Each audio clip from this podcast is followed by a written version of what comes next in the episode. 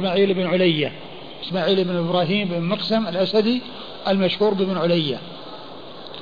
وإسماعيل بن إبراهيم القطيعي هذا ثقة أخرج له البخاري ومسلم وأبو داود والنسائي. البخاري ومسلم وأبو داود والنسائي. المعنى أي أن رواية هذين الشيخين وهما إبراهيم آه، آه، محمد بن محبوب وإسماعيل بن إبراهيم القطيعي متفقة في المعنى مع اختلافها في الألفاظ. وهذا هو معنى قول أبي داود رحمه الله بعدما يذكر الرواية عن شيخين يقول المعنى. أي أن روايتهما متفقة في المعنى مع الاختلاف في الألفاظ. عن؟ عن حفص بن غياث. نعم. عن حفص بن غياث. عن حفص بن غياث. عن حفص بن غياث وهو ثقة. أخرجه أصحاب الكتب. نعم. وهو ثقة أخرج له أصحاب الكتب الستة. عن الأعمش. عن الأعمش وهو سليمان بن مهران الكاهلي الكوفي وهو ثقة أخرج له أصحاب الكتب الستة. عن أبي سفيان. عن أبي سفيان وهو طلحة بن نافع وهو صدوق نعم. أخرج أصحاب الكتب نعم. وهو صدوق أخرج له أصحاب الكتب الستة. عن جابر. عن جابر بن عبد الله الأنصاري رضي الله تعالى عنهما صحابي بن صحابي وهو أحد السبعة المعروفين بكثرة الحديث عن النبي صلى الله عليه وسلم. ثم طريق أخرى عن الأعمش عن أبي صالح وأبو صالح هو ذكوان السمان. أبو صالح كنية واسم صاحبها ذكوان ولقبه السمان أو الزيات كان يجلب السمن والزيت فلقب بالسمان ولقب بالزيات. وهي نسبة إلى مهنة ونسبة إلى حرفة مثل ما يقال نجار وحداد سمان خباز وما إلى ذلك. فتأتي على هذه الصيغة والمراد بها الحرفة والمهنة والعمل الذي آه، يشتغل به الإنسان. فأبو صالح مشهور بكنيته ويأتي كثيرا بكنيته واسمه ذكوان ولقبه السمان والزيات وهو مدني ثقة مكثر من الرواية عن أبي هريرة وحديثه أخرجه أصحاب الكتب الستة. عن أبي هريرة عبد الرحمن بن صخر الدوسي رضي الله تعالى عنه صاحب رسول الله صلى الله عليه وسلم وهو أكثر الصحابة حديثا على الإطلاق عن النبي صلى الله عليه وسلم ورضي الله عن أبي هريرة وعن الصحابة أجمعين.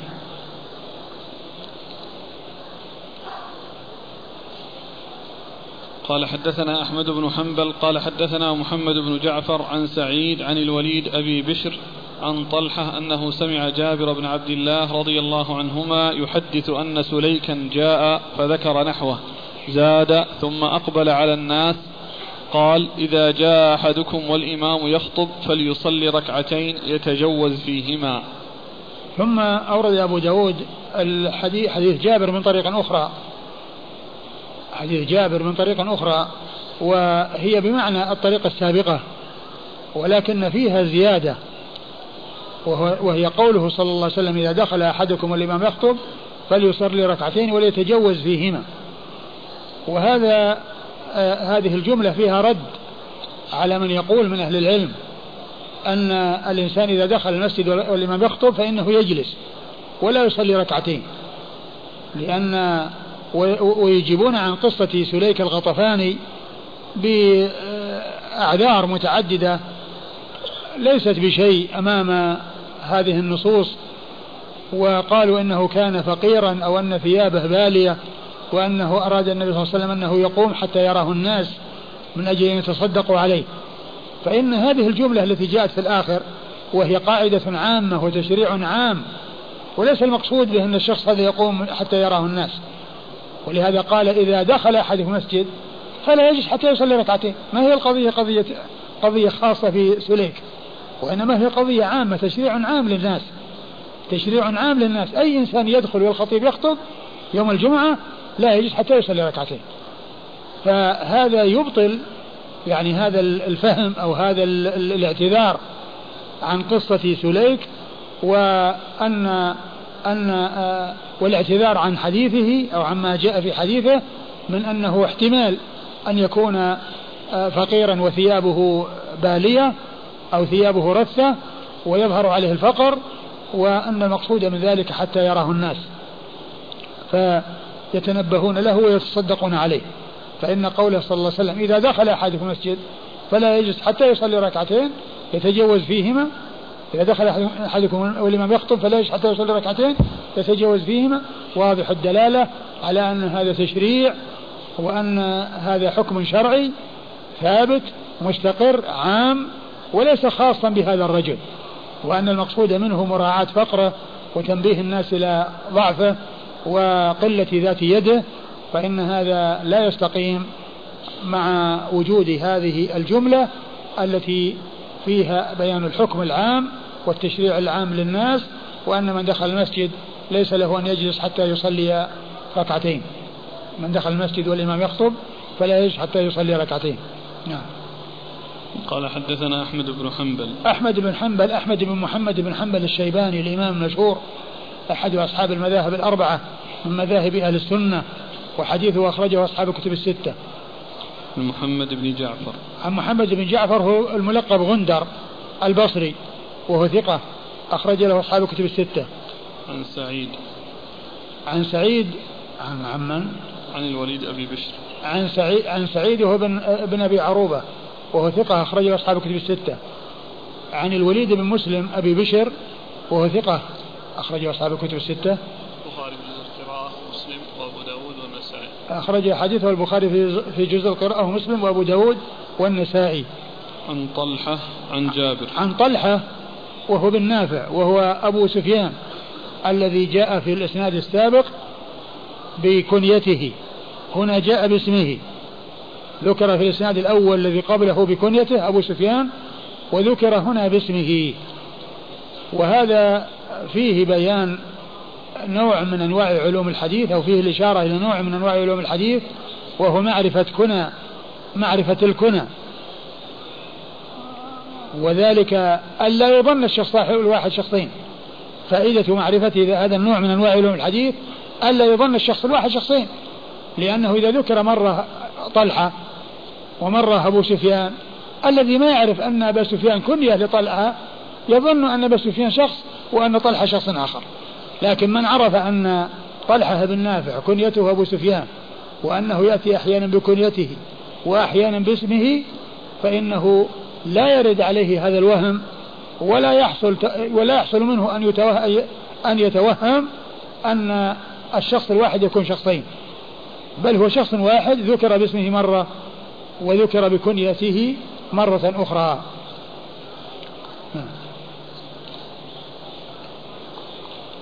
عن عن جابر بن عبد الله. عن جابر وقد مر ذكره. قال رحمه الله تعالى باب تخطي رقاب الناس يوم الجمعة. قال حدثنا هارون بن معروف قال حدثنا بشر بن السري قال حدثنا معاوية بن صالح عن أبي الزاهرية أنه قال كنا مع عبد الله بن بسر رضي الله عنه صاحب النبي صلى الله عليه وآله وسلم يوم الجمعة فجاء رجل يتخطى رقاب الناس.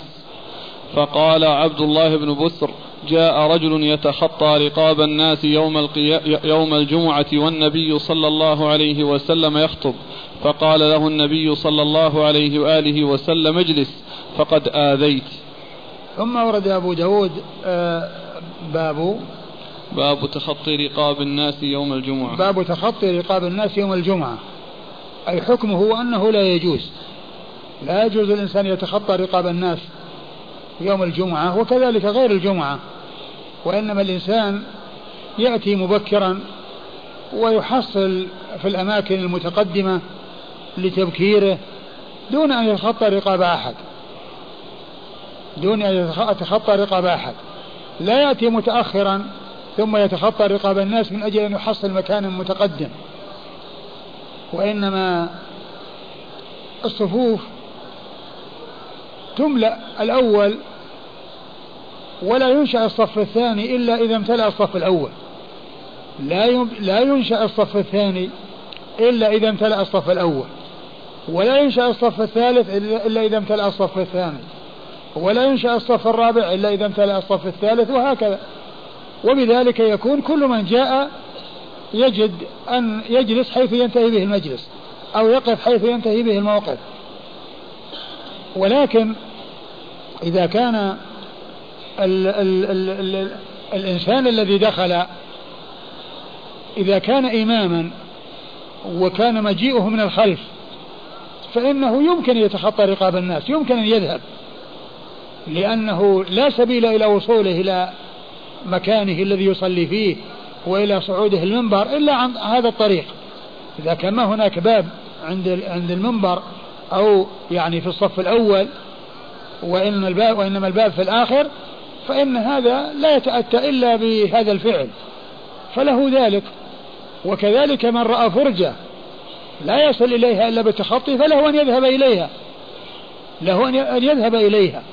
لأنه كان من حق الذين كانوا وراء هذه الفرجة أن يسدوها وألا يحوجوا غيرهم إلى أن يتخطى رقابهم من أجل يصل أن يصل إلى هذه الفرجة.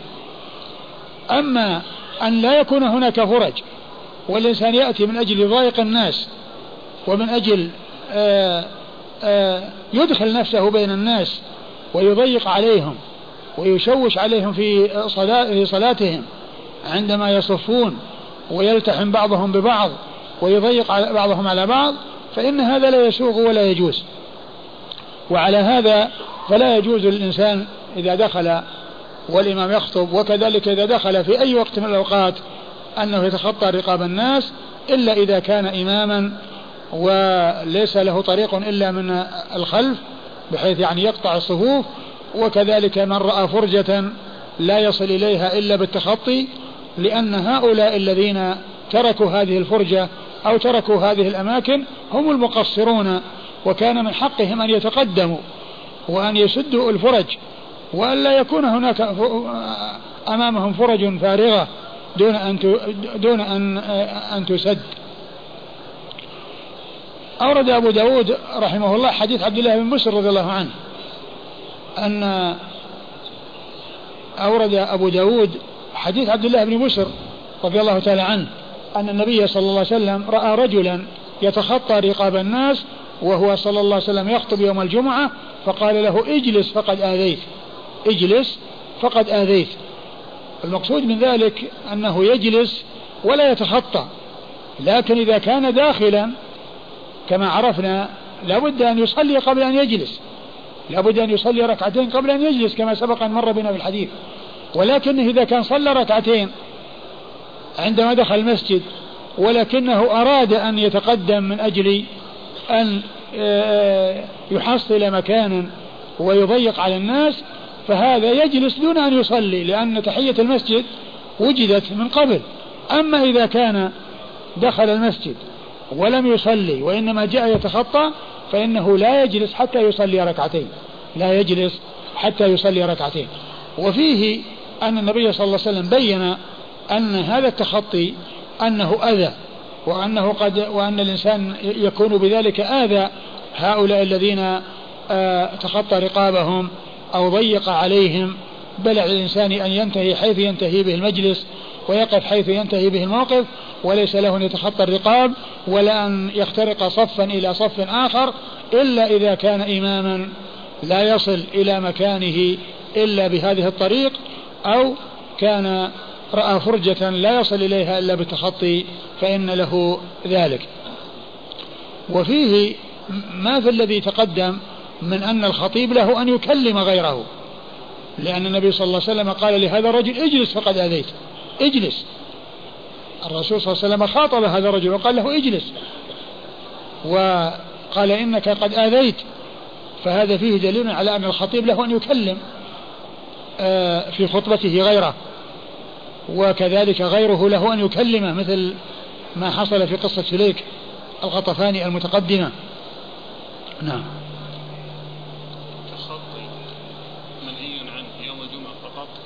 لا يوم الجمعة غير الجمعة. أنا قلت أنا قلت ولكنه يتأكد في الجمعة. يتأكد في الجمعة. وأما وليس مقصورا عليها. ليس مقصورا على الجمعة. ليس الإنسان يتخطى رقاب الناس. لا في يوم الجمعة ولا في غير يوم الجمعة. قوله هنا اجلس يعني الظاهر بعدما صلى. هو الذي يبدو أنه يعني أنه, أنه قد صلى أنه قد صلى وإلا فإن حديث سليك الذي تقدم يدل على أنه ليس هناك جلوس إلا بعد الصلاة. يدل على أنه ليس هناك جلوس إلا بعد صلاة ركعتين يتجوز فيهما. قال حدثنا هارون بن معروف. ويحتمل أن يكون يعني ذلك حصل قبل أن يحصل هذا التشريع. يعني تكون قصة إجلس فقد أذيت أنها متقدمة على كون النبي صلى الله عليه وسلم بين للناس أن الحكم الشرعي هو أن من دخل لا يجلس حتى يصلي ركعتين.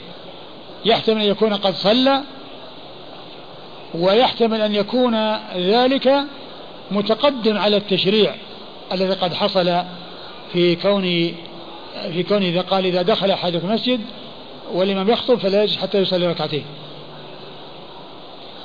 قال حدثنا هارون بن معروف. هارون بن معروف هو ثقة أخرج له. البخاري ومسلم وأبو داود. أخرج له البخاري ومسلم وأبو داود. عن بشر بن السري. عن بشر بن السري وهو ثقة أخرج له أصحاب الكتب الستة. عن معاوية بن صالح. عن معاوية بن صالح بن حدير وهو ثقة أخرجه. صدوق له أوهام. ها؟ صدوق له. وهو صدوق له أوهام أخرج حديثه. البخاري في جزء القراءة ومسلم وأصحاب السنن. أخرج حديثه البخاري في جزء القراءة ومسلم وأصحاب السنن. عن أبي الزاهري. عن أبي الزاهرية وهو حدير بن كريب. حدير بن كريب وهو ثقة. صدوق أخرج له البخاري في جزء القراءة ومسلم وأبو داود والنسائي وابن ماجه. وهو ثقة أخرج له البخاري في جزء القراءة ومسلم وأبو داود والنسائي وابن ماجه. عن عبد الله بن بسر. عن عبد الله بن بشر رضي الله تعالى عنه صاحب رسول الله صلى الله عليه وسلم وحديثه أخرجه أصحاب الكتب الستة. قال رحمه الله تعالى باب الرجل ينعس والإمام يخطب. قال حدثنا هناد بن السري عن عبده عن ابن إسحاق عن نافع عن ابن عمر رضي الله عنهما أنه قال سمعت رسول الله صلى الله عليه وآله وسلم يقول إذا نعس أحدكم وهو في المسجد فليتحول من مجلسه ذلك إلى غيره. ثم ورد أبو داود هذه الترجمة إذا نعس والإمام يخطب يعني ماذا يصنع؟ يعني أنه يتحول من مكانه إلى مكان آخر ينتقل. من مكانه إلى مكان آخر. وذلك لي لي لينتقل من هذا المكان الذي حصلت فيه له فيه الغفلة إلى مكان آه، لعل الغفلة أن تذهب عنه. وكذلك أيضا أن في كونه جالس في مكان وحصل له النعاس كونه يقوم ويغير المكان وينتقل إلى مكان آخر هذه حركة. يمكن أن تكون هذه الحركة سبب في ذهاب النوم. تكون سببا في ذهاب النوم. أورد أبو داود رحمه الله حديث آه، من الصحابي؟ ابن عمر. حديث عبد الله بن عمر رضي الله تعالى عنهما أن النبي صلى الله عليه وسلم قال إذا نعس أحدكم في المسجد فليتحول من مجلسه ذلك إلى غيره. فليتحول مجلسه ذلك إلى غيره. وهذا لفظ عام ليس فيه ذكر وقت الخطبة ليس فيه ذكر الخطبة ولكنه في المسجد ويشمل آه، وهو عام في كونه في المسجد وسواء كان في جمعة أو غير جمعة وسواء كان في الخطبة أو في غير الخطبة ولكنه جاء عند الترمذي في آه، آه، هذا القيد وهو الإمام يخطب. إذا دخل أحدكم يوم الجمعة إذا دخل أحد إذا نعس أحدكم يوم الجمعة فليتحول إلى مكان. فالحديث عام يدخل فيه حال الخطبة وغيرها وقد جاء عند أبي عند الترمذي التقييد أو تقييد ذلك بيوم الجمعة. نعم. قال حدثنا هناد بن السري. هناد بن السري أبو السري ثقة أخرج له البخاري في خلق أفعال العباد ومسلم وأصحاب السنن الأربعة. عن عبده عن عبده ابن سليمان وهو ثقة أخرج له أصحاب الكتب الستة. عن ابن إسحاق. عن ابن إسحاق محمد بن إسحاق وهو صدوق أخرج حديثه البخاري تعليقا ومسلم وأصحاب السنن. عن نافع. عن نافع مولى بن عمر وهو ثقة أخرج له أصحاب الكتب الستة. عن عبد الله بن عمر بن الخطاب رضي الله تعالى عنهما الصحابي الجليل وهو أحد العباد له الأربعة من أصحاب رسول الله عليه الصلاة والسلام وأحد السبعة المعروفين. بكثرة الحديث عن النبي صلى الله عليه وسلم. وهم أبو هريرة وابن عمر وابن عباس وأبو سعيد الخدري وأنس بن مالك وجابر بن عبد الله الأنصاري وأم المؤمنين عائشة رضي الله تعالى عنهم وعن الصحابة أجمعين ستة رجال وامرأة واحدة.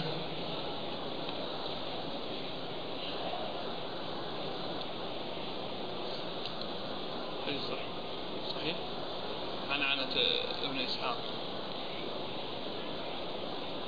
عنس بن إسحاق الحديث من خرجه؟ قال من خرجه الترمذي وقال حسن صحيح. الترمذي؟ ما خرج غيره؟ ما أشار إلى أن خرج غيره؟ لا. الحديث آه، صححه بعض أهل العلم واحتجوا به واحتجوا به ولكن ما أتذكر يعني في هل الترمذي عنده تصريحا بالسماع أو لا لا أدري. كما تعلمون الآن بالنسبة للمسجد النبوي والمسجد الحرام ازدحام. فإذا نعس الشخص هل له مثلا أن يتسوك ليذهب النعاس والخطيب يخطب؟ لا لا ليس له لأنه ما ورد أنه يتسوق ولكنه ورد أنه يتحول. فهو يمكن أنه يتحول إلى مكان آخر يعني يبحث له عن مكان. ما وجد يظل واقفا. في نفس مكانه يقف ليذهب النعاس يصلح. والله يمكن يمكن إنه يعني مو بيظل واقف يعني يقوم ويجلس لأن الحركة يعني لأن المكان حصل فيه غفلة آه، طبعا ما ما يمكن أن ينتقل عنه. لكن العلة الثانية وهي الحركة التي قد تذهب النوم آه، يمكن أن تكون آه، في كونه يقوم ويجلس.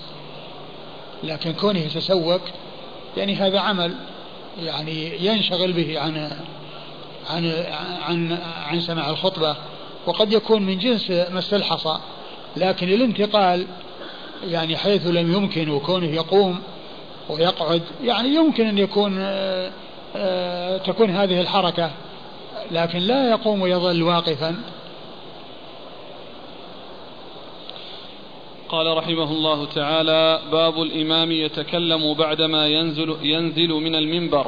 قال حدثنا مسلم بن إبراهيم قال عن جرير هو ابن حازم لا أدري كيف قاله مسلم أو لا. عن ثابت عن أنس رضي الله عنه أنه قال رأيت رسول الله صلى الله عليه وآله وسلم ينزل من المنبر فيعرض له الرجل في الحاجة فيقوم معه حتى يقضي حاجته ثم يقوم فيصلي. قال أبو داود الحديث ليس بمعروف عن ثابت هو مما تفرد به جرير بن حازم. ثم ورد أبو داود هذه الترجمة وهي باب الإمام يتكلم بعدما ينزل من المنبر. باب الإمام يتكلم بعد ما ينزل من المنبر. يعني أن له أن يتكلم وإذا كان له أن يتكلم وهو يخطب فمن باب أولى أن يتكلم بعد ما ينزل. من باب أولى أنه يتكلم بعد ما ينزل. لأنه إذا كان ساغ له أن يتكلم وهو يخطب وأن يقطع خطبته وأن يتكلم فكونه يتكلم بعدما ينزل من الخطبة من المنبر هذا من باب أولى. يعني هذا هو الذي يفهم أو الحكم الذي يفهم من يعني من من الاستنباط من الأحاديث. الحديث الذي أورده أبو داود رحمه الله وهو حديث أنس بن مالك رضي الله عنه يعني فيه وهم وفيه ضعف من جهة جرير بن حازم الذي هو أحد رواته وأن فيه وهم حصل منه. لكن المعنى هو ثابت. يعني كونه يعني يصح للإنسان أن يتكلم بعد ما ينزل من الخطبة من المنبر هذا لا إشكال فيه. وكما ذكرت آه، الاستدلال هو من جهة أنه إذا كان الخطبة ما حصل آه، ليس هناك ما يمنعه من أن يتكلم في حال الخطبة مع غيره فله أن يتكلم بعدما ينزل من المنبر مع غيره من باب أولى. وإن كان الحديث يعني فيه وهم وفيه ضعف من جهة رواية جرير بن حازم وأنه لا يعرف إلا من طريق جرير بن حازم لكن المعنى وهو الكلام وهو الذي ترجم له المصنف ثابت ولا إشكال فيه. ثابت ولا إشكال فيه. أورد أبو داود حديث آه، حديث أنس رضي الله تعالى عنه أن النبي صلى الله عليه وسلم نزل من المنبر فاعترضه رجل فجعل يكلمه آه، حتى قضى حاجته. رأيت رسول الله صلى الله عليه وسلم ينزل من المنبر فيعرض, فيعرض له الرجل في الحاجة فيقوم معه حتى يقضي حاجته ثم يقوم فيصلي. رأيت النبي صلى الله عليه وسلم ينزل من المنبر فيعرض له الرجل فيقوم معه فيقضي حاجته ثم يقوم فيصلي. آه هذا هذا الحديث آه قيل إنه وهم من جرير بن حازم وأنه لا يعرف إلا به وجرير بن حازم له أوهام يعني يهم. ولعله آه، آه، التبس عليه الحديث الذي فيه أن الرسول صلى الله عليه وسلم يعني أقيمت صلاة العشاء فجاء رجل وكلمه والرسول صلى الله عليه وسلم جعل يكلمه حتى حتى نعس الناس حتى نعس الناس. والحديث ثابت عن رسول الله صلى الله عليه وسلم.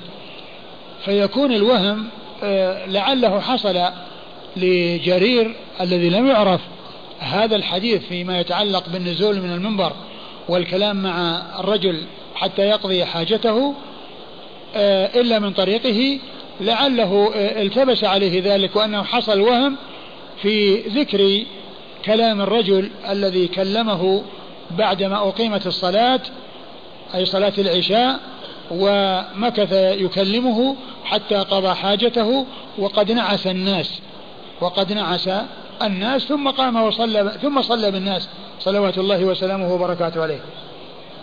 فالحديث فيه ضعف من جهة جرير بن حازم وأنه قد وهم في ذلك وأنه لا يعرف إلا به ولكن المعنى الذي دل عليه هذا الحديث معنى صحيح وأن الكلام بعد نزوله من المنبر من الإمام مع غيره أنه سائغ ولا بأس به وهو من باب أولى فيما يتعلق بالكلام والإمام يخطب كونه إذا نزل يكلم غيره هذا من باب أولى ولا بأس به ولا إشكال به. والإسناد؟ قال حدثنا مسلم بن إبراهيم. مسلم بن إبراهيم الفراهيدي. مسلم بن إبراهيم الفراهيدي وهو ثقة أخرج له أصحاب الكتب الستة. عن جرير. عن جرير وهو ابن حازم. جرير وهو ابن حازم. وهو آه، صدوق. ثقة له أوهام. وهو ثقة له أوهام. إذا حدث من حفظه. آه، ثقة له أوهام إذا حدث من حفظه. أيوه.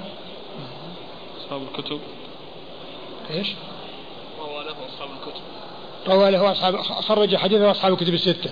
خرج حديثه أصحاب الكتب الستة.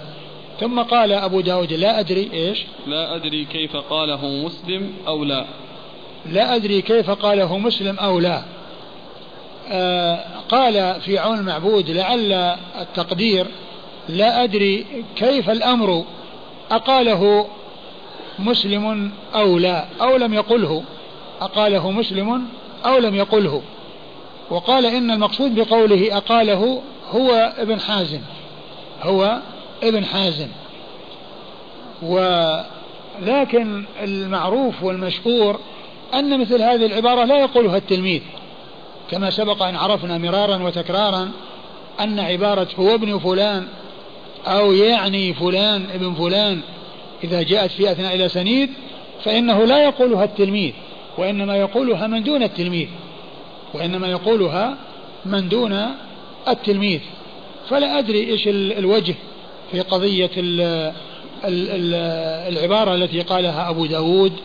وهي قوله فلا أدري كيف أقاله أقاله مسلم أو لا. أقاله مسلم أو لا أو لم, أو, أو لم يقله. فإن إنه إذا كان يرجع آه، الضمير في قوله قاله إلى كلمة هو ابن هو ابن حازم فإن هذه لا يقولها التلميذ لا يقولها مسلم لأن التلميذ يذكر شيخه كما يريد. إن شاء أن يقول مسلم إن كان شاء أن يقول جرير ويسكت عندها له ذلك وإن شاء أن يقول جرير بن حازم له ذلك له أن يذكر شيخه ويطيل في نسبه ويذكر صفاته وله أن يختصر نسبه ويقتصر إلى على اسم واحد ويقتصر على اسم واحد يعني يذكره مهملا. هذا هو المعروف وهذا هو المشهور. ولهذا آه، كلمة يعني كما سبق أن ذكرت ذلك مرارا وتكرارا لها قائل ولها فاعل فقائلها ضمير مستتر يرجع للتلميذ وفا ففاعلها ضمير مستتر يرجع للتلميذ وقائلها هو من دون التلميذ. وقائلها أي الذي يقول كلمة يعني ابن فلان هو من دون التلميذ. ولكن ال ال الإشكال في الحديث وفي ضعف الحديث ويعني يقول أبو داود إن أنه هذا مع هذا وهم. إيش؟ ليس بمعروف عن ثابت هو مما تفرد به جرير بن حازم. ليس ليس بمعروف عن ثابت يعني هذا الحديث وإنما هذا مما تفرد به جرير آه، جرير بن حازم عن ثابت. يعني فيكون وهما ولكن الحكم الشرعي كما عرفنا هو ثابت سواء ثبت صح الحديث ولا ما صح. والحديث يعني طبعا وهم لم يصح ولكن ال ال الذي دل عليه الحديث لا إشكال فيه من جهة أن الإمام له أن يتكلم إذا نزل من المنبر له أن يخاطب غيره. وكذلك المأمون لهم أن يخاطب بعضهم بعضا. يعني بعد ما ينزل الخطيب لأن المنع هو ما دام الإمام يخطب. هذا هو الذي يمنع منه الكلام. وأما بين الخطبتين وكذلك بعد نزول الخطيب وكذلك عند مجيئه أولا وجلوسه على المنبر لا مانع من الكلام. ولكن الممنوع هو حال الخطبة لأنه يكون فيه انشغال عنها. نعم. عن ثابت وهو من أسلم البناني وهو ثقة أخرج حديث أصحاب الكتب الستة عن أنس بن مالك رضي الله عنه صاحب رسول الله صلى الله عليه وسلم وأحد السبعة المعروفين بكثرة الحديث عن النبي صلى الله عليه وسلم. في شرح ابن رسلان ضبط آخر وهو أول. نعم يعني بعضهم قال يعني لا أدري أقاله أول أقاله أول. يعني إيش معنى قاله أول؟ يعني أيضا المعنى غير غير واضح. قال رحمه الله تعالى قال رحمه الله تعالى باب من أدرك من الجمعة ركعة. قال حدثنا القعنبي عن مالك عن ابن شهاب عن أبي سلمة عن أبي هريرة رضي الله عنه أنه قال قال رسول الله صلى الله عليه وآله وسلم من أدرك ركعة من الصلاة فقد أدرك الصلاة. ثم ورد أبو داود رحمه الله باب من أدرك من الجمعة ركعة. يعني هل يكون مدركا للجمعة؟ نعم يكون مدركا لها يضيف إليها أخرى وبذلك يكون مدركا للجمعة. وكذلك آه، آه، الإنسان إذا أدرك ركعة من أي صلاة فإنه يكون مدركا الصلاة يعني أدرك شيئا يعتد به. إذا إذا أدرك ركعة من الصلاة فإنه يكون مدركا لشيء يعتد به إذا قام يقضي. فإذا كان الإنسان جاء في الظهر وأدرك ركعة الركعة الأخيرة من صلاة الظهر عندما يقوم يقضي يكون بقي عليه ثلاث. بخلاف لو فاته الركوع من الركعة الرابعة فإنه إذا قام يقضي يقوم يقضي أربعة كاملة. معناه أنه ما ما أدرك شيئا من الصلاة يعتد به. لأن النبي صلى الله عليه وسلم كما سبق أن مر بنا في الحديث إذا جئتم والإمام جالسا ساجدا فاسجدوا معه ولا تعدوها شيئا.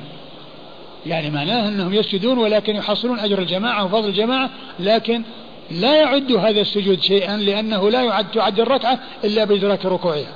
ومن أدرك ركعة من من الصلاة ومن أدرك ركعة فقد أدرك الصلاة. ومن أدرك ركعة مع الإمام فقد أدرك الصلاة. إذا هذا الحديث يدلنا على أن من أدرك وهنا ذكره عام ولكنه جاء في بعض الروايات يعني التنصيص على الجمعة. الجمعة أو غيرها. فهو بعمومه يشمل الجمعة وغير الجمعة وقد جاء في بعض الروايات التنصيص على الجمعة فمن أدرك ركعة من الجمعة فيضيف إليها أخرى ومن فاته الركوع من الركعة الثانية في صلاة الجمعة له فإنه يدخل مع الإمام ولكنه عندما يقضي يقضيها أربعا يعني يأتي بأربع يأتي بأربع التي هي الظهر لكن هذا فيما إذا كانت الجمعة بعد الزوال.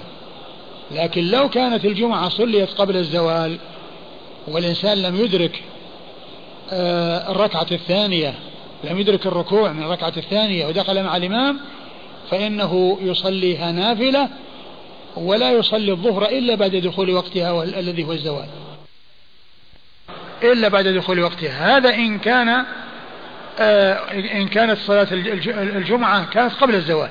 وقد سبق أن مر بنا أن الأولى أن الجمعة ما تكون إلا بعد الزوال ويجوز أن تكون قبل الزوال وإذا صليت قبل الزوال ولم يدرك الإنسان ركعة كان ركوع الركعة الثانية ودخل مع الإمام فإنه لا يصليها ظهرا بعد سلام الإمام لأنه ما دخل وقت الظهر. ما دخل وقت الظهر وإنما عليه أن يصلي معه نافلة وإذا دخل وقت الظهر بعد الزوال يصلي الظهر أربعة. نعم.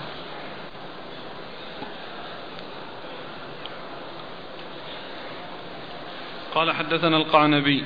القعنبي هو عبد الله بن مسلمة بن قعنب. القعنبي ثقة. أخرج له أصحاب الكتب الستة إلا ابن ماجه. عن مالك. عن مالك بن أنس إمام دار الهجرة. الإمام المشهور أحد أصحاب المذاهب الأربعة من مذاهب أهل السنة وحديثه أخرجه أصحاب الكتب الستة. عن ابن شهاب. عن ابن شهاب محمد بن مسلم بن عبيد الله بن شهاب الزهري ثقة أخرج له أصحاب الكتب الستة. عن أبي سلمة. عن أبي سلمة بن عبد الرحمن بن عوف المدني وهو ثقة فقيه وهو أحد فقهاء المدينة السبعة في عصر التابعين على أحد الأقوال الثلاثة في السابع منهم وحديثه أخرجه أصحاب الكتب الستة. عن أبي هريرة. عن أبي هريرة وقد مر ذكره.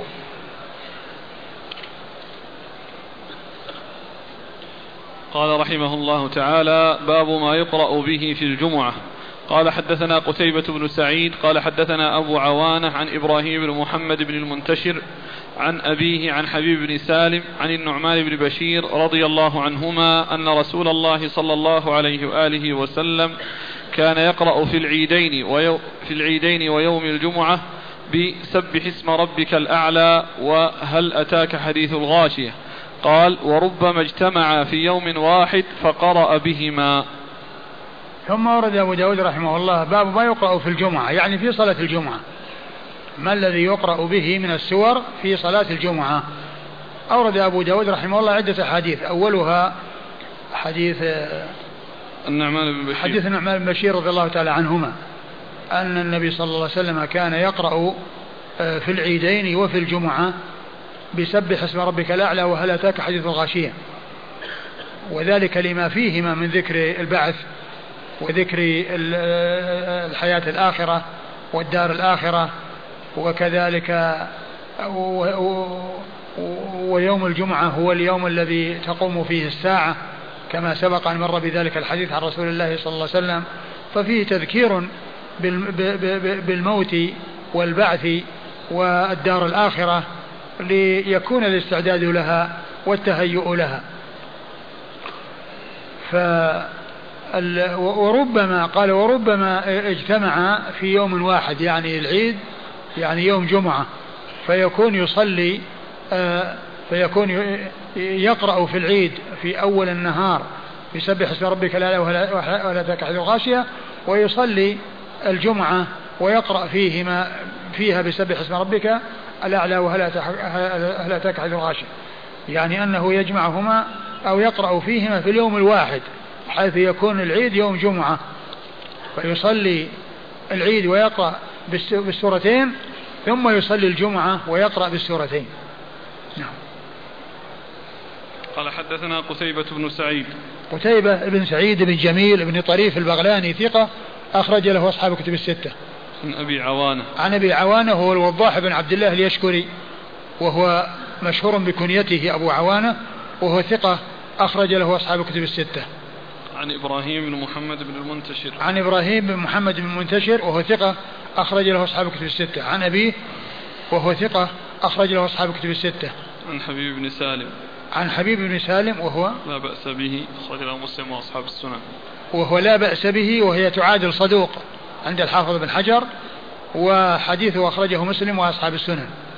عن النعمان بن بشير. عن النعمان بن بشير رضي الله تعالى عنهما الصحابي المشهور وحديثه أخرجه أصحاب الكتب الستة وهو من صغار الصحابة لأنه لأن النبي عليه الصلاة والسلام توفي وعمره ثمان سنوات. توفي وعمره ثمان سنوات. و و وكان يحدث عن رسول الله عليه الصلاة والسلام ويقول سمعت رسول الله صلى الله عليه وسلم يقول كذا. ومن ذلك الحديث المشهور المتفق على صحته أخرجه البخاري ومسلم الحلال بين والحرام بين وبينهما أمور مشتبهات لا يعلمهن كثير من الناس.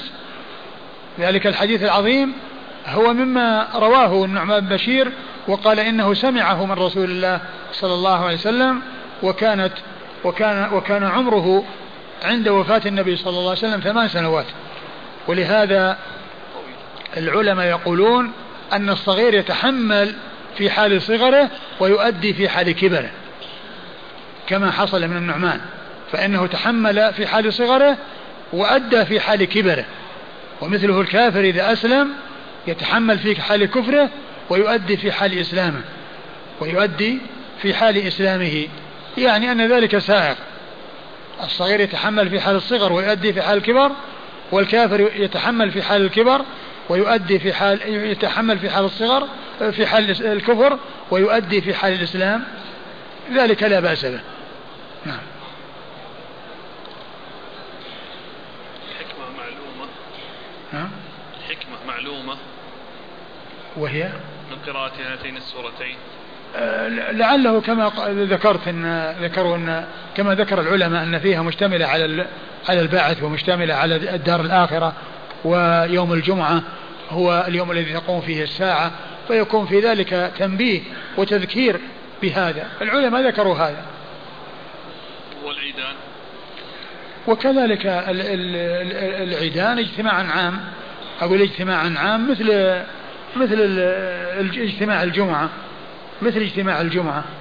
ففيه تذكير بالمبدأ والمعاد والبعث والحشر.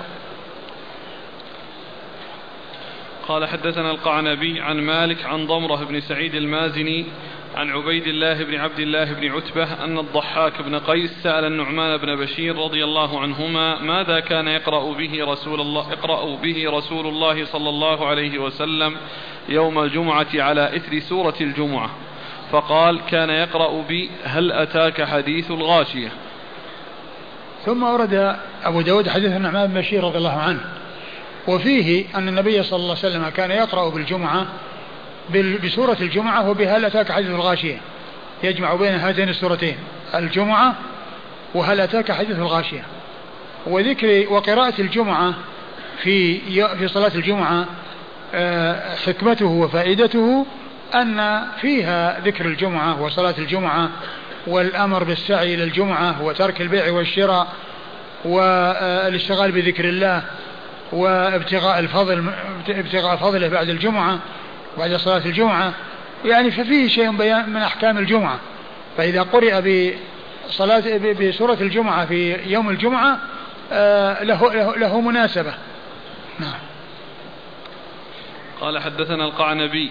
عن مالك عن ضمرة بن سعيد المازني آه، ضمرة بن سعيد المازني ثقة أخرج له مسلم وأصحاب السنن أخرج له مسلم وأصحاب السنن عن عبيد الله بن عبد الله بن عتبة عن عبيد الله بن عبد الله بن عتبة بن مسعود وهو ثقة فقيه أحد فقهاء المدينة السبعة في عصر التابعين أه وحديثه أخرجه أصحاب الكتب الستة.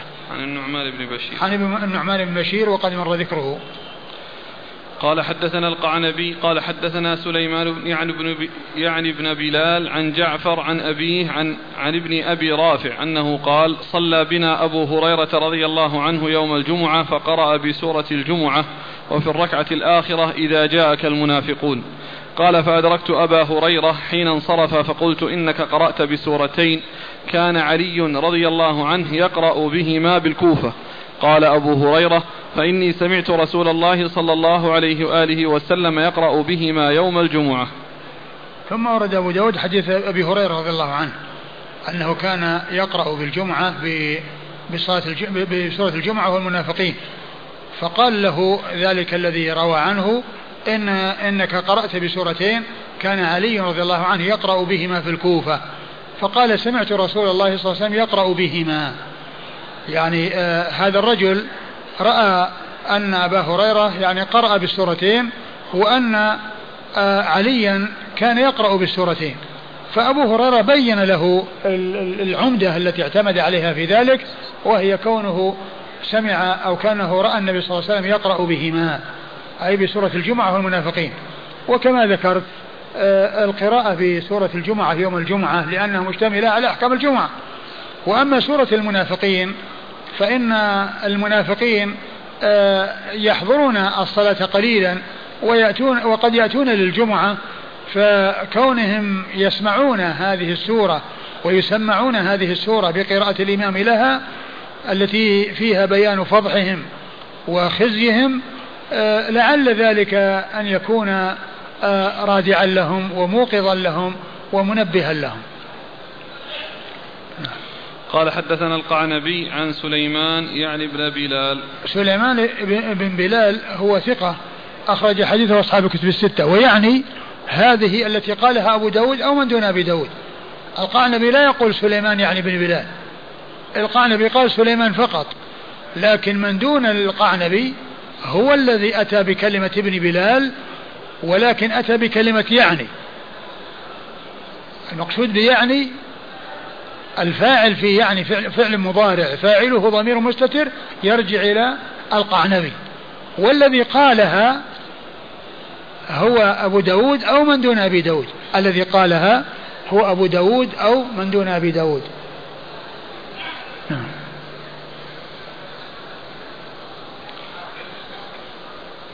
عن جعفر.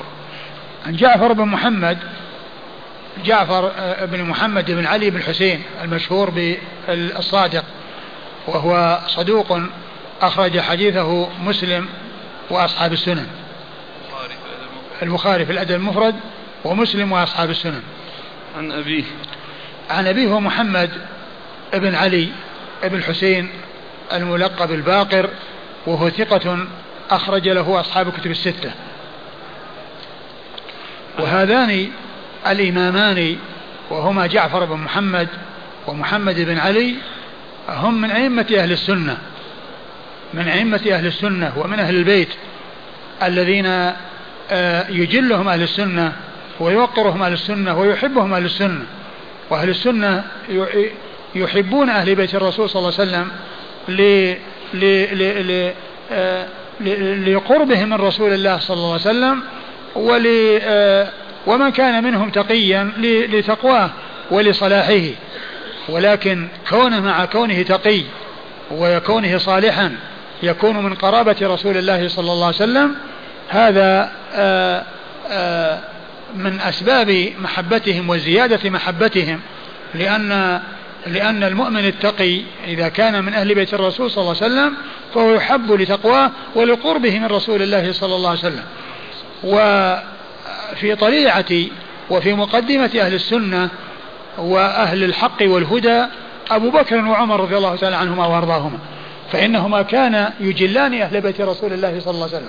وقد ذكر البخاري في صحيح عن أبي بكر أثرين أثرين عن أبي بكر أحدهما أنه قال آه والله لقرابة رسول الله صلى الله عليه وسلم أحب إلي أن أصل من قرابته يعني كوني أصل قرابة النبي صلى الله عليه وسلم أحب إلي من أن أصل قرابة أي قرابة أبي بكر فهذا يدلنا على معرفة منزلة أهل البيت وقرابة رسول الله صلى الله عليه وسلم عند الصديق. خير هذه الأمة وأفضل هذه الأمة رضي الله تعالى عنه وأرضاه. والأثر الثاني وقد ذكره البخاري عنه في صحيحه أنه قال أرقبوا محمدا في أهل بيته. أرقبوا محمدا يعني في أهل بيته. يعني معناه أنهم يقدرون أهل بيته ويراعون يعني ويعرفون منزلة أهل بيته لقربهم من رسول الله صلى الله عليه وسلم. هذان أثران ذكرهما أو أوردهما البخاري في صحيحه عن أبي بكر رضي الله عنه. أما عمر بن الخطاب رضي الله عنه فعنده أثران أيضا. أحدهما أنه قال آه للعباس لما أسلم إن إسلامك لما أسلمت أحب إلي من إسلام الخطاب لو أسلم لأن النبي صلى الله عليه وسلم كان حريصا على إسلامك. لأن النبي صلى الله عليه وسلم كان حريصا على إسلامك يعني العباس عم النبي صلى الله عليه وسلم. أما الأثر الثاني وقد جاء في صحيح البخاري أن الناس لما أصابهم الجدب والقحط وخرج يعني خرجوا يستسقون طلب عمر رضي الله عنه من العباس أن يدعو. طلب من العباس أن يدعو للمسلمين في أن يغيثهم الله عز وجل. لماذا اختار العباس؟ لأنه عم الرسول صلى الله عليه وسلم. ولهذا قال عمر بعدما دعا العباس أو قبل أن يدعو العباس قال اللهم إنا كنا إذا أجذبنا توسلنا إليك بنبينا فتسقينا. يعني نطلب من النبي صلى الله عليه وسلم أن يدعو لنا فيدعو لنا فتسقينا. وإنا نتوسل إليك بعم نبينا فأسقنا. قم يا عباس فادعو الله. عمر أفضل من العباس ولكنه اختار العباس من أجل قرابته من رسول الله صلى الله عليه وسلم ولهذا قال آه وإنا نتوسل إليك بعم نبينا. ما قال نتوسل إليك بالعباس؟ ما ذكره باسمه ولكن ذكر صلته بالرسول صلى الله عليه وسلم وعمومته للرسول عليه الصلاة والسلام. وإنا نتوسل إليك بعمنا يعني في دعائه. قم فاسقنا قم يا عباس فادعو الله. قم يا عباس فادعو الله. فهذا فيه بيان منزلة أهل البيت عند الصد... عند ال... عند الخليفتين الراشدين الأولين أبي بكر وعمر رضي الله تعالى عنهما وأرضاهما.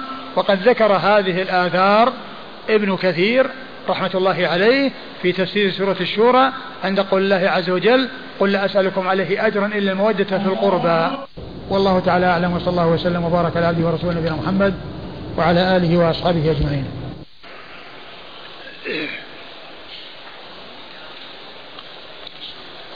بسم الله الرحمن الرحيم. الحمد لله رب العالمين والصلاة والسلام على عبد الله ورسوله نبينا محمد وعلى آله وصحبه أجمعين. أما بعد قال الإمام أبو داود السجستاني رحمه الله تعالى تحت باب ما يقرأ به في الجمعة.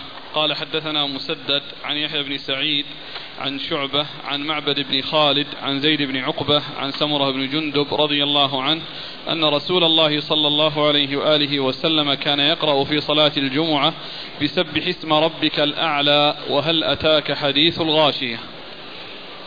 بسم الله الرحمن الرحيم. الحمد لله رب العالمين وصلى الله وسلم وبارك على عبده ورسوله نبينا محمد وعلى آله وأصحابه أجمعين.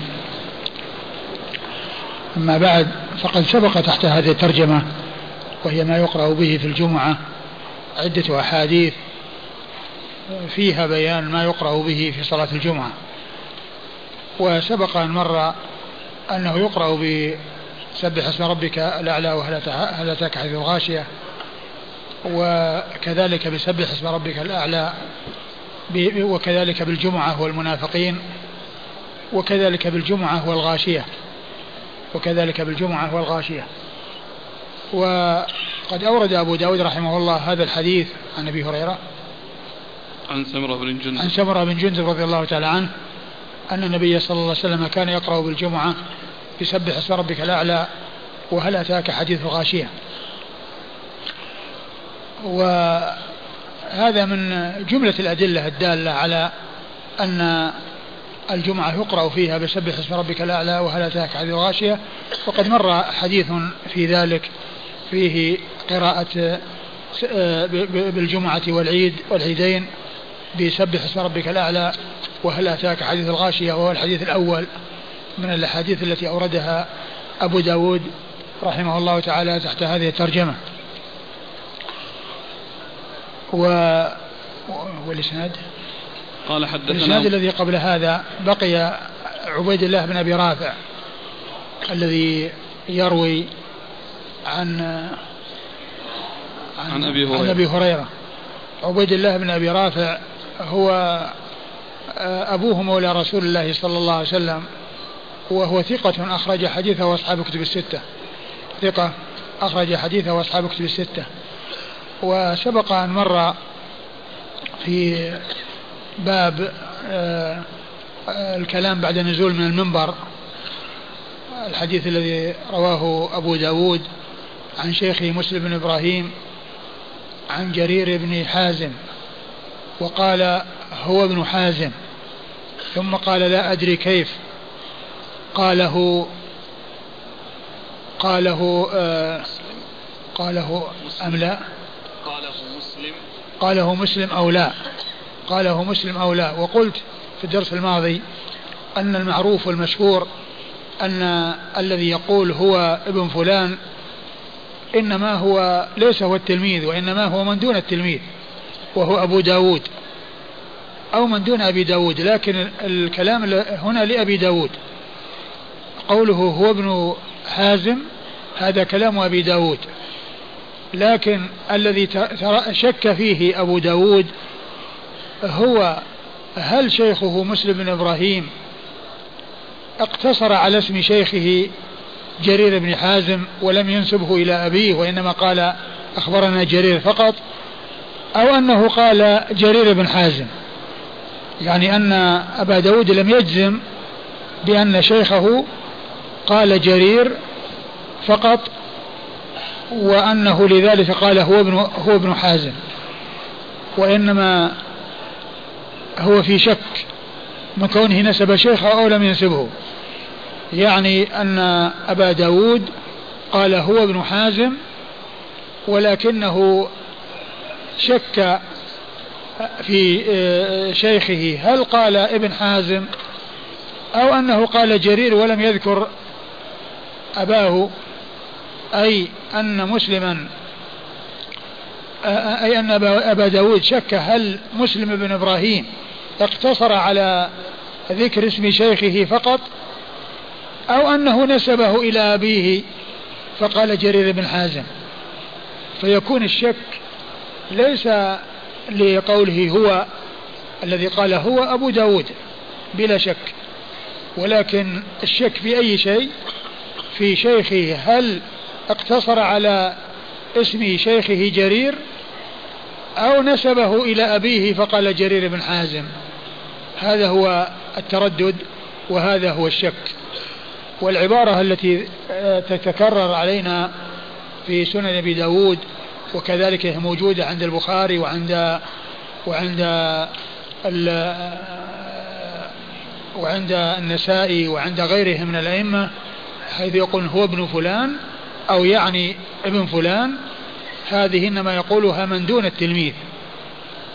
من دون التلميذ ولكن الذي معنا في هذا الإسناد الذي مر إنما هو العبارة لأبي داود ولكن التردد هل أبو دا هل مسلم ابن إبراهيم قال حدثنا جرير فقط أو أنه قال جرير بن حازم؟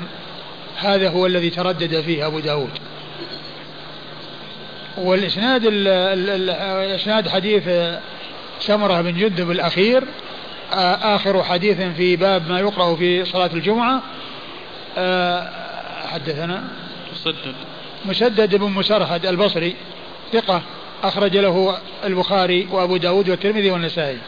عن يحيى بن سعيد. عن يحيى بن سعيد القطان البصري ثقة أخرج له أصحاب كتب الستة. عن شعبة. عن شعبة بن الحجاج الواسطي ثم البصري. وهو ثقة أخرج له أصحاب كتب الستة. عن معبد بن خالد. عن معبد بن خالد الجهني عن معبد بن خالد وهو ثقة أخرج له أصحاب كتب الستة. عن زياد عن زيد بن عقبة. عن زيد بن عقبة وهو صدوق. ثقة أخرجه أبو داود وهو ثقة أخرجه أبو داود والترمذي والنسائي. عن سمرة بن جندب. عن سمرة سمرة بن جندب رضي الله عنه صاحب رسول الله صلى الله عليه وسلم وحديثه أخرجه أصحاب الكتب الستة. قال رحمه الله تعالى باب الرجل يأتم بالإمام وبينهما جدار. قال حدثنا زهير بن حرب قال حدثنا هشيم قال أخبرنا يحيى بن سعيد عن عمرة عن عائشة رضي الله عنها أنها قالت صلى رسول الله صلى الله عليه وآله وسلم في حجرته والناس يأتمون به من وراء الحجرة.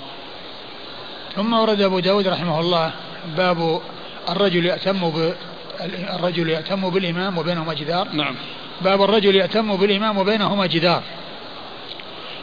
آه، المقصود من هذا أن المأموم إذا أتم بالإمام وبينهما جدار فإن الائتمام صحيح والصلاة صحيحة. لا بأس أن يصلي مأموم وراء مأموم وراء إمام وبينهما جدار. لا بأس بذلك. كما أنه لا بأس أن يكون الإمام أعلى من المأمومين أو العكس بأن يكون الإمام في مكان مرتفع والمأموم أنزل منه أو يكون الإمام يصلي في هذا وبعض المأمومين في السطح أو المأموم الإمام يصلي والمأمومون يعني في في, في السفل في في في مكان أسفل كل ذلك لا بأس به كل ذلك لا بأس به. ما دام أن الائتمام ممكن وسماع الصوت ممكن وسماع القراءة ممكن لا بأس بذلك. ولو حصل أن آه، توقف مكبر الصوت ولم يمكن الائتمام يمكن أن ينفصل كل واحد ويصلي ويكمل صلاته على حدة أو أن يتقدم يعني شخص ويكمل بالناس الذين وراءه ويكون إماما لهم في بقية الصلاة. كل ذلك لا بأس به. ال ال أبو داود رحمه الله أورد حديث عائشة رضي الله عنها أن النبي صلى الله عليه وسلم صلى في حجرته والناس يصلون آه، بصلاته من وراء جدار الحجرة. من وراء؟ والناس يأتمون به من وراء الحجرة. والناس يأتمون به من وراء الحجرة. من وراء الحجرة. وهذا يدل على أن وجود الفاصل أو الجدار بين الإمام والمأموم أو بعض المأمومين له لا بأس بذلك لأن النبي صلى الله عليه وسلم كان يصلي في حجرته والناس يصلون بصلاته وفيهم من هو خارج الحجرة وفيهم من هو خارج الحجرة وهذا يدلنا على أن الصلاة إذا حصلت من المأموم ووراء إمامه وبينهما جدار أن ذلك لا بأس به. كما أنه لا بأس بالصلاة في مكان مرتفع بأن يكون آه، الإمام آه، فوق أو أو أو المأموم فوق يعني فوق السطح ويصلي بصلاة الإمام أو يصلي في مكان منخفض ويصلي بصلاة الإمام كل ذلك لا بأس به. كما أن الإمام لو كان في مكان أرفع من المأمومين لا بأس به كما سبق أن مر بنا الحديث الذي فيه أنه لما وضع المنبر الرسول صلى الله عليه وسلم كان يصلي فوقه والناس يرونه فإذا حصل آآ آآ أن كان المأموم الإمام في مكان مرتفع والمأموم في مكان أسفل أو العكس كل ذلك لا بأس به ولا مانع منه. نعم. قال حدثنا زهير بن حرب. زهير بن حرب أبو خيثمة وهو ثقة أخرج له أصحاب الكتب الستة إلا الترمذي. عن هشيم. عن هشيم بن بشير الواسطي. وهو ثقة أخرج له أصحاب الكتب الستة. عن يحيى بن سعيد. عن يحيى بن سعيد الأنصاري المدني وهو ثقة أخرج له أصحاب الكتب الستة. عن عمرة. عن عمرة بنت عبد الرحمن الأنصارية وهي ثقة أخرج لها أصحاب الكتب الستة وهي مكثرة من الرواية عن عائشة.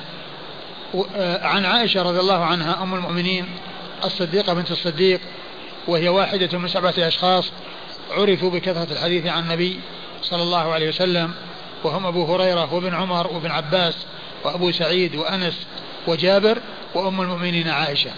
ستة رجال وامرأة واحدة هؤلاء عرفوا بكثرة الحديث عن النبي صلى الله عليه وسلم. صلاته صلى الله عليه وسلم في حجرته. نعم. صلاته صلى الله عليه وسلم في حجرته. نافلة ولا؟ ما أدري. هل هي نافلة أو فريضة؟ لكن سواء كانت نافلة أو فريضة يدل على جواز الصلاة المأموم مؤتما بالإمام وبينهما جدار. لكن الذي يبدو والله أعلم أنه فريضة لأن الرسول صلى الله عليه وسلم كان يعني آه، لما جحش وكان يصلي آه، في بيته والناس يصلون وراءه ويصلون وراءه وأشار إليهم أن يجلسوا. فيحتمل والله أعلم أنها فريضة لكن من ناحية الحكم سواء تكون فريضة أو نافلة آه، ائتمام المأموم بالإمام وبينهما جدار آه، يدل عليه هذا الحديث. مناسبة ذكر أبي داود لهذا الباب أو الحديث في كتاب الجمعة.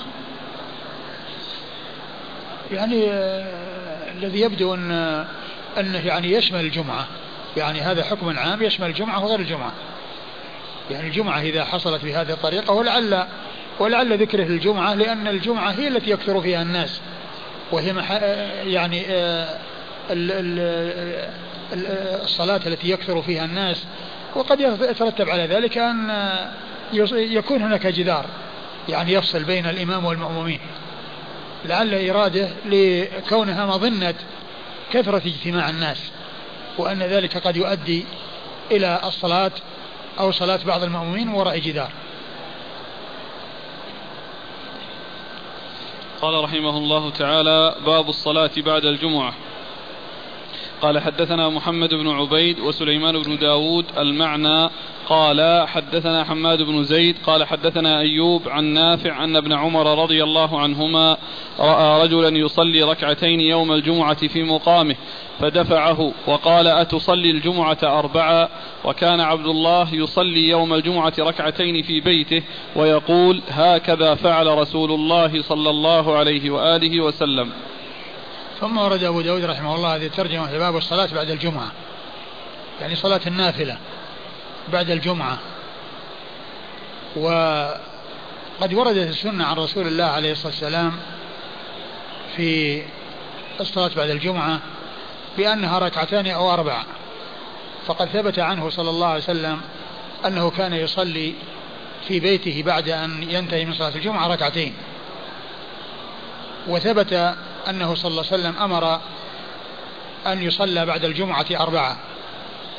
أن يصلى أربع ركعات بعد الجمعة. وهذا يدلنا على أن السنة على أن الجمعة لها راتبة أو لها سنة بعدها وهي إما ركعتان أو أربع. وبعض العلماء قال إن هذا من الاختلاف المباح أو من التنوع وأن الإنسان يصلي ركعتين له أن يصلي ركعتين أو أربع. وإذا صلى الأربع فإنها أكمل وأتم. وبعض أهل العلم ومنهم شيخ الإسلام ابن تيمية قال إن صلى في بيته صلى ركعتين وإن صلى في المسجد صلى أربعة وإن صلى في المسجد صلى أربعة لأن النبي صلى الله عليه وسلم جاء عنه أنه كان يصلي في بيته ركعتين وجاء عنه أنه أمر بأن أن يصلى بعد الجمعة أربع ركعات. فيكون كونه صلى الله عليه وسلم مداوم وملازم على أن يصلي ركعتين في بيته. إذا صلى الإنسان في بيته يصلي أربعا. وإن صلى في المسجد أربعا فقد جاء في الحديث ما يدل على ذلك. وإن صلى في البيت أربعا لا بأس بذلك. لكن كونه يأتي بالأربع في المسجد وبالبيت ركعتين كما قال شيخ الإسلام ابن تيمية لعل هذا هو الأولى. وذلك أنه لو صلى في المسجد ركعتين وكان في المقام الذي صلى فيه يكون كأنه قد صلى الجمعة أربعا ويصليها ظهرا.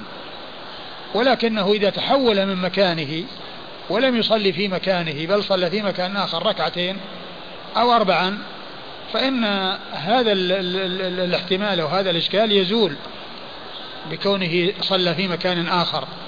لكن كونه يصلي في المسجد أربعا ويصلي في المسجد ركعتين كما قال شيخ الإسلام تيمية لعل هذا هذا التفصيل وهذا التفريق لعله هو الأولى. وإن صلى في البيت أربعا أو صلى في المسجد آه ثنتين ولكن الثنتين يعني ليست في مقامه الذي صلى فيه بأن تحول إلى مكان آخر فكل ذلك لا بأس به. أما السنة قبل الجمعة فلم يأتي في ذلك شيء عن رسول الله صلى الله عليه وسلم. ولكن جاء آه، النوافل المطلقة التي هي غير مقيدة بعدد فقد جاء عن النبي صلى الله عليه وسلم ما يدل على ذلك من جهة أنه قال من اغتسل يوم الجمعة ثم أتى المسجد فصلى ما قدر له ثم أنصت للخطبة. يعني معناه أنه يصلي ما أمكنه أن يصلي. وكان ابن عمر يطيل الصلاة في بيته قبل الجمعة. يعني معناه أنه يصلي كثيرا. في ليس في بيته في المسجد. كان ابن عمر يصلي يطيل الصلاة قبل الجمعة يعني في المسجد لأنه يعني يأتي إليها مبكرا. وأصحاب رسول الله صلى الله عليه وسلم كانوا إذا جاءوا إلى المسجد يصلون ما أرادوا أن يصلوا ثم يجلسون ولا يقومون إلا للصلاة. فإذا ليس هناك راتبة معينة محددة قبل الجمعة لا ثنتين ولا أربعة. وإنما الراتبة بعدها. كما جاء ذلك عن رسول الله عليه الصلاة والسلام. إما ركعتان وإما أربع. وقبل الجمعة ليس هناك راتبة. ولكن هناك الصلاة المطلقة التي تكون من الإنسان إذا دخل المسجد يصلي ما أراد أن يصلي وما أمكنه أن يصلي. ثم بعد ذلك يجلس ولا يقوم إلا للصلاة بعد ذلك. أورد أبو داود حديث ابن عمر. نعم. حديث ابن عمر رضي الله تعالى عنهما أنه رأى رجلا يصلي ركعتين يوم الجمعة في مقامه فدفعه. أنه رأى رجلا يصلي ركعتين في يوم الجمعة في مقامه فدفعه. وقال أتصلي الجمعة أربعا؟ نعم. وقال أتصلي الجمعة أربعا. ف الذي فعله عبد الله بن عمر أنه دفع هذا الرجل ولعله دفعه يعني أن يتحول من مكانه. حتى لا يكون كأنه صلى الجمعة أربعا بمعنى صلى مع الإمام اثنتين ثم أتى بعد ذلك باثنتين بعدها. تصير كأنها ظهرا. ولكنه إذا انتقل إلى مكان آخر وتحول إلى مكان آخر زال الإشكال. وحصل زوال ال ال الإشكال. وكان ابن عمر رضي الله عنه قال بعد ذلك كان نعم. يصلي. وكان عبد الله يصلي يوم الجمعة ركعتين في بيته ويقول هكذا فعل رسول الله. وكان عبد الله يصلي بعد الجمعة ركعتين في بيته ويقول هكذا فعل رسول الله صلى الله عليه وسلم. هكذا فعل رسول الله صلى الله عليه وسلم أنه يصلي في بيته ركعتين. أنه كان يصلي في بيته ركعتين. ولكنه إذا صلى ركعتين في المسجد وفي مقامه فإن ذلك يكون فيه كأنه صلى الجمعة أربعا. ولكنه لو تحول من مكانه إلى مكان آخر يعني يزول الإشكال. ولهذا قال فدفعه. يعني دفعه يعني معناه أراد منه أن ينتقل. وبعض الشراح قال منعه. منعه دفعه يعني منعه. يعني معناه منعه من الصلاة. ولكن ابن عمر رضي الله تعالى عنه جاء عنه أنه إذا كان بمكة وصلى الجمعة فإنه يتحول عن مكانه قليلا ويصلي ركعتين. يتحول عن مكانه قليلا ويصلي ركعتين ثم يتحول أكثر من ذلك ويصلي أربعة. ويصلي أربعة. وإذا كان في المدينة صلى في من صلى الجمعة ثم صلى بعد بعدها ركعتين في بيته كما جاء في الحديث الذي معنا وقال هكذا فعل رسول الله صلى الله عليه وسلم أي أن ذلك يرجع إلى الركعتين اللتين تكون في البيت بعد الجمعة هذا هو الذي ثبت عن رسول الله صلى الله عليه وسلم. هذا هو الذي ثبت عن رسول الله عليه الصلاة والسلام. وإذا فالنافلة بعد الجمعة ركعتين في مقامه آه هذا هو الذي منع منه ابن عمر وهذا هو الذي دفع ذلك الفاعل يعني ال ال من مكانه إلى مكان آخر. أو أنه منعه من أن يعمل هذا العمل. إلا أن يتحول أو يكون ذلك في بيته. وابن عمر رضي الله عنه كما جاء في آخر الحديث وكان ابن عمر إذا صلى الجمعة صلى ركعتين في بيته وقال هكذا فعل رسول الله صلى الله عليه وسلم أي أنه صلى ركعتين في بيته. لكن جاءت السنة كما أشرت آنفا أن النبي صلى الله عليه وسلم أمر أن يصلى بعد الجمعة أربعة. نعم. ابن عمر يصلي ست في مكة؟ نعم سيأتي. قال حدثنا محمد بن عبيد. محمد بن عبيد هو بن حساب وهو ثقة أخرج حديثه البخاري مسلم وأبو داود والنسائي. البخاري ومسلم وأبو داود والنسائي. مسلم وأبو داود والنسائي. مسلم وأبو داود. والنسائي. البخاري. ما في أخرج حديثه مسلم وأبو داود والنسائي. وسليمان بن داود. وسليمان بن داود هو المهري. المصري وهو ثقة أخرج حديثه.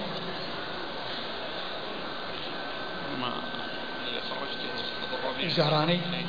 فهو هو الذي ذكره في تهذيب الكمال. آه، قال سليمان بن داود لكنها يعني آه، الكلمة التي بعدها يعني فيها احتمال. قال المهراني المهراني. يعني لعل كلمة المهراني أنها المهري بس أنها يعني ويحتمل تكون الزهراني لأن, لأن بس كلمة المهري المهراني أقرب إلى المهري من الزهراني. وهنا أبو الربيع الزهراني وأبو الربيع المصري اللي هو المهري. وكل منهما ثقة. كل منهما ثقة. ها؟ زيادة العتكي. في فيها زيادة العتكي؟ اي إيه. والعتكي هو الزهراني إيه العتكي الزهراني أي نعم. إذا كان فيها يعني في الزيادة منين جاءت في في إسناد ولا إيش؟ لا هو نفسه إسنادنا بس عنده كلمة زايدة هذه. يعني في الإسناد؟ اي يعني جاء زيادة العتكي؟ إيه؟ في الإسناد؟ نعم. نعم. إذا كان جاء في الإسناد يعني شيء يعني يوضح فيكون ال ال يعني معناه إنه الزهراني أبو الربيع الزهراني وهو سليمان بن داود. وعلى هذا تكون المهراني يعني هي الزهراني الذي في تهذيب الكمال لأنها محتملة للمهري والمهراني والزهراني. والمهري هو المصري أبو الربيع والزهراني هو اللي هو العتكي. والعتكي وش؟ ثقة أخرج له البخاري ومسلم وأبو داود النسائي وأبو الربيع الزهراني العتكي ثقة أخرج حديثه البخاري. ومسلم وأبو داود النسائي البخاري ومسلم وأبو داود النسائي عن حماد بن زيد. عن حماد بن زيد البصري ثقة أخرج له أصحاب كتب الستة. عن أيوب. عن أيوب بن أبي تميمة السختياني ثقة أخرج له أصحاب كتب الستة. عن نافع. عن نافع مولى بن عمر ثقة أخرج له أصحاب كتب الستة. عن, عن عبد الله بن عمر بن الخطاب رضي الله عنهما الصحابي الجليل أحد العبادلة الأربعة من الصحابة وأحد السبعة المعروفين بكثرة الحديث عن النبي صلى الله عليه وسلم.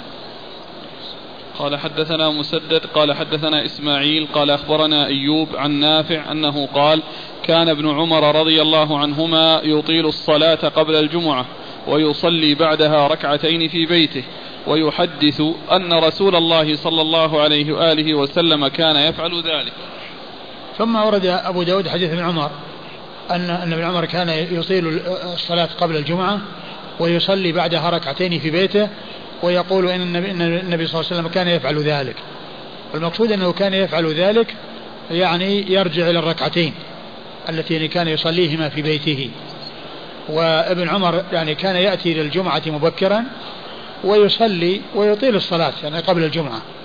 وأما الرسول صلى الله عليه وسلم فإنه كان يأتي آه، عند الصلاة.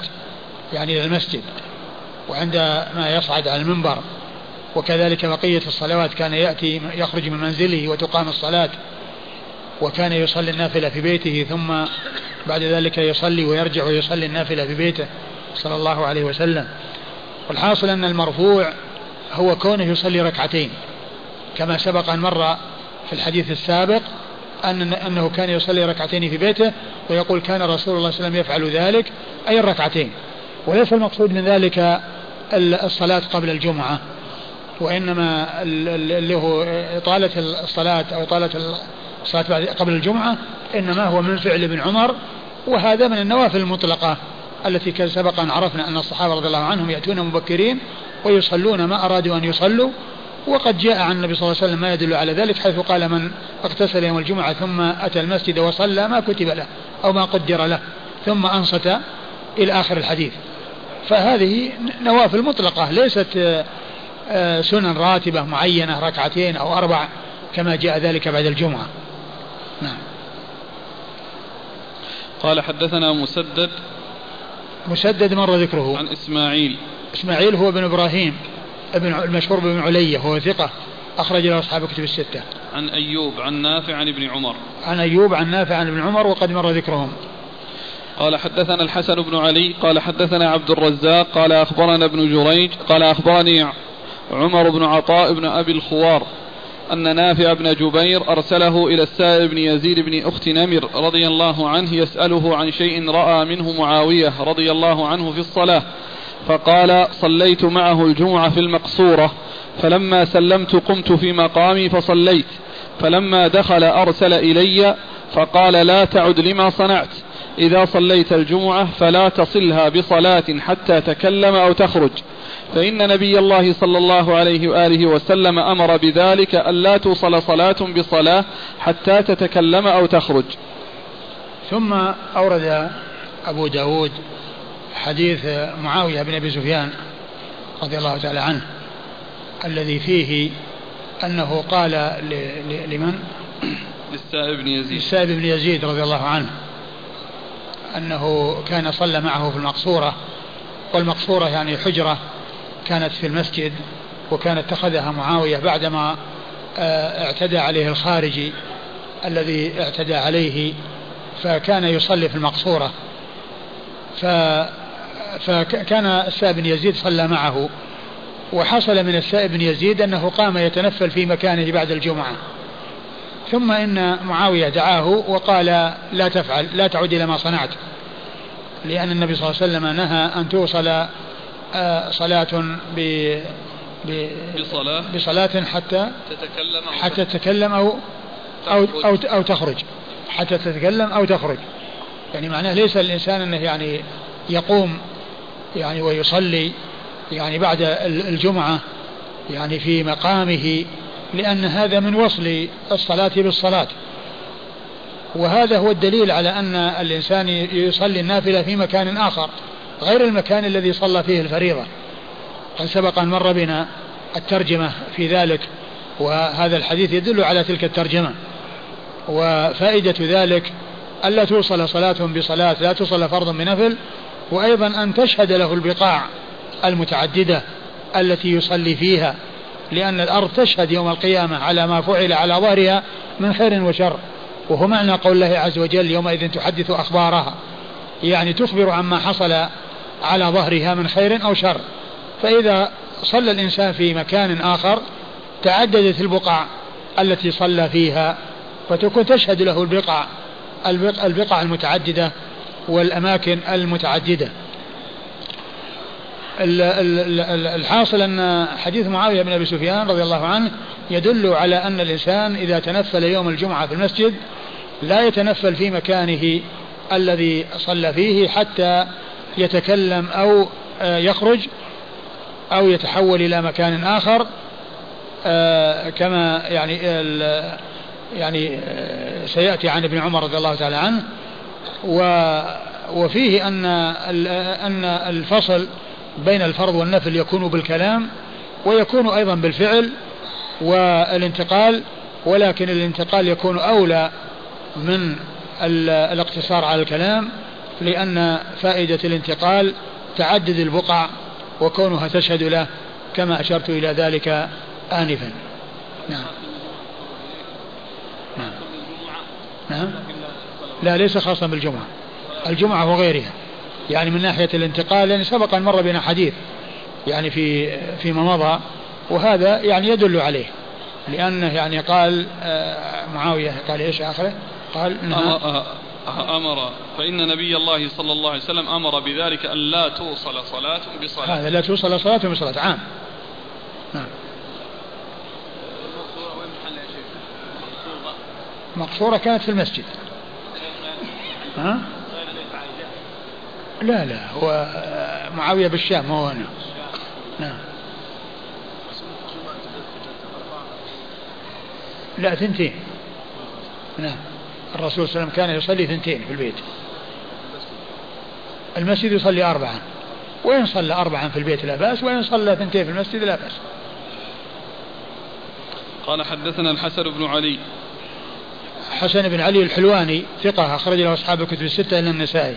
عن عبد الرزاق. عن عبد الرزاق بن همام الصنعاني اليماني وهو ثقة أخرج له أصحاب الكتب الستة. عن ابن جريج. عن ابن جريج عبد الملك بن عبد العزيز بن جريج المكي ثقة أخرج له أصحاب الكتب الستة. عن عمر بن عطاء بن أبي الخوار. عن عمر بن عطاء بن أبي الخوار وهو ثقة أخرجه مسلم وأبو داود. وهو ثقة أخرجه مسلم وأبو داود. عن السائب بن يزيد. عن السائب بن يزيد وهو صحابي صغير رضي الله عنه أخرج حديثه أصحاب الكتب الستة. عن أمير المؤمنين معاوية بن أبي سفيان رضي الله تعالى عنه وأرضاه وحديثه أخرجه أصحاب الكتب الستة. قال حدثنا محمد بن عبد العزيز بن أبي رزمة المروزي. قال أخبرنا الفضل بن موسى عن عبد الحميد بن جعفر عن يزيد بن أبي حبيب عن عطاء عن ابن عمر رضي الله عنهما أنه قال كان إذا كان بمكة فصلى الجمعة تقدم فصلى ركعتين ثم تقدم فصلى أربعة.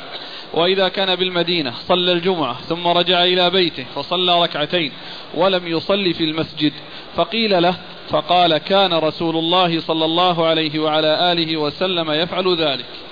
ثم ورد حديث ابن عمر وأنه كان إذا صلى لما كان بمكة إذا صلى الجمعة تقدم فصلى ركعتين ثم تقدم أكثر من ذلك وصلى أربعا. وإذا كان في المدينة آه، إذا صلى الجمعة ذهب إلى بيته وصلى في ركعتين ولم يصلي في المسجد ولم يصلي في المسجد. وقال كان رسول الله صلى الله عليه وسلم يفعله. يعني يفعل هذا الأخير الذي هو كونه يصلي ركعتين في آه، في بيته. وليس في المسجد لأن هذا هدي رسول الله عليه الصلاة والسلام. بعد الجمعة يذهب ويصلي ركعتين. فإذا المرفوع من حديث ابن عمر هذا إنما هو كون النبي صلى الله عليه وسلم يصلي في بيته ركعتين بعد الجمعة. وابن عمر رضي الله عنه كان إذا كان في المدينة يصلي ركعتين في بيته بعد الجمعة. لكنه إذا كان بمكة كان يفعل ذلك ويصلي ستا ركعتين ثم يتحول بعد ذلك إلى مكان آخر ويصلي فيه أربعة فيصير المجموع المجموع ست. وهذا فعل ابن عمر رضي الله عنه وهو ثابت كما جاء في هذا الحديث في هذا الإسناد. وبعض أهل العلم قال به يعني بما قاله ابن عمر أنه يصلي يعني بعد الجمعة ستا يعني ركعتين ثم أربعا. ولا أدري يعني آه، وجه ذلك ووجه هذا التفريق. كونه في مكة يفعل هذا الفعل وفي المدينة يرجع إلى بيته ويصلي ركعتين آه، كما كان رسول الله صلى الله عليه وسلم يفعل ذلك. والذي ثبت عنه صلى الله عليه وسلم أنه كان يصلي ركعتين في في بيته بعد الجمعة وأمر بالصلاة بعد الجمعة أربعة كما جاء كما سيأتي في حديث عند أبي داود. نعم.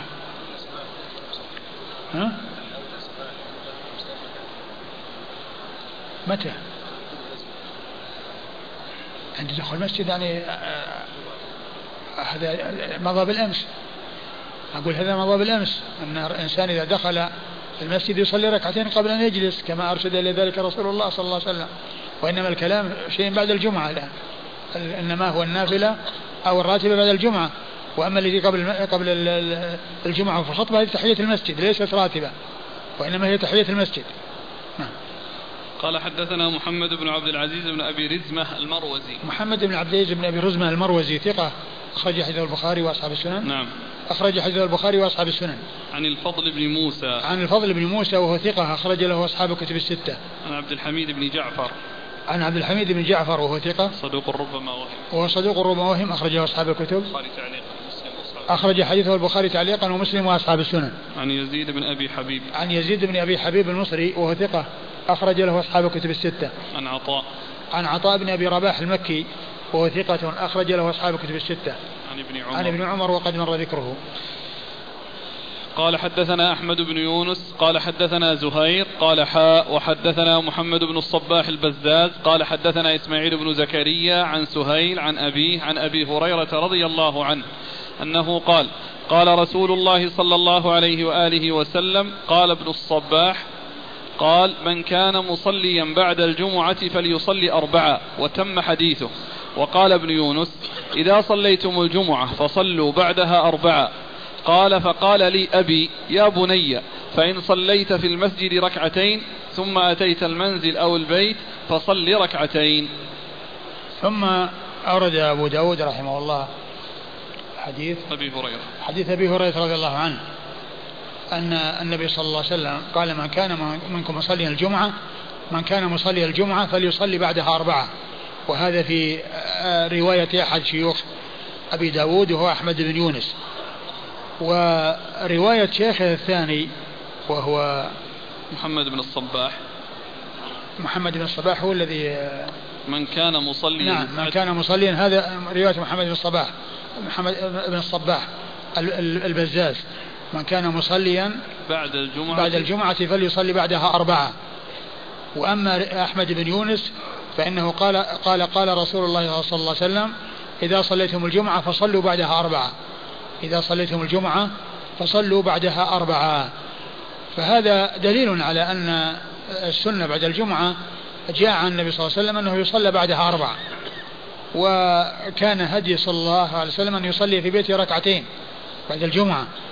وكما أشرت شيخ الإسلام ابن تيمية يقول إن صلى في المسجد صلى أربعة وإن صلى في بيته صلى ركعتين وإن صلى في بيته صلى ركعتين. ويجوز يعني كل ذلك إن صلى في المسجد أربعا أو صلى فيه ركعتين أو صلى في البيت أربعا أو صلى فيه ركعتين كل ذلك بعد الجمعة. وكل ذلك يعني جاء ما يدل عليه بالنسبة لإطلاق الأربع.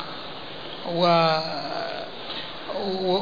ثم إن عند أحمد بن يونس زيادة وهي أن أبا صالح قال لابنه سهيل الراوي عنه في الإسناد يا بني إذا صليت في المسجد ركعتين وأتيت البيت فصلي ركعتين. يعني حتى يكمل الأربع. حتى يكمل الأربعة التي جاءت في هذا الحديث. إذا صليتم الجمعة فصلوا بعدها أربعة. قال إن صليت في المسجد ركعتين ولم تتمكن من الإتيان بالثنتين فأكملهما في البيت. أكملهما في البيت. نعم. هو يعني كأن المقصود منه يعني آه، آه، تنفيذ النص وتطبيق النص الذي هو أربعة. يعني كل إنسان إذا ما أتى بالأربع في المسجد بل أتى ببعضها فإنه يكمل في البيت. يعني معناه المقصود من ذلك تنفيذ النص أو يعني آه، توضيح يعني آه، كيف يكمل آه، يطبق النص. وأنه يصلي أربعا إن صلىها في المسجد أربعا فذاك وإن لم يتمكن من أنه يأتي بالأربع وإنما أتى باثنتين فيكمل الباقي في البيت. نعم. قال حدثنا أحمد بن يونس. أحمد بن يونس هو أحمد بن عبد الله بن يونس المصري. ثقة أخرج له أصحاب كتب الستة.